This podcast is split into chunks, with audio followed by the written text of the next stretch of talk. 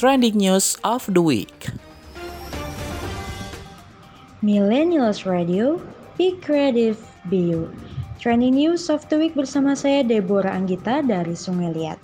Berita kedua berasal dari analisis gempa 4,8 M Sumedang dan daerah yang rasakan getarannya.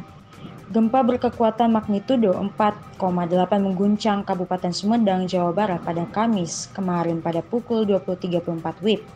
Kepala Pusat Gempa Bumi dan Tsunami Badan Meteorologi, Klimatologi, dan Geofisika atau BMKG, Daryono mengatakan pusat gempa terletak pada koordinat 6,85 lintang selatan dan 107,94 bujur timur.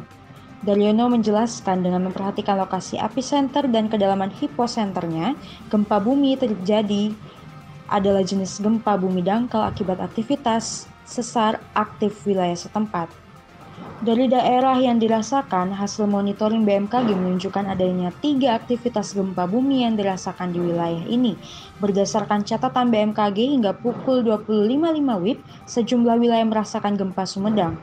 Gempa dirasakan di wilayah Sumedang dengan skala intensitas 3 sampai 4 mmi atau terasa getaran seakan-akan ada truk berlalu. Selain itu, daerah Lembang, Kabupaten Bandung, Jawa Barat dengan skala intensitas 3 mmi atau getaran dirasakan nyata dalam rumah.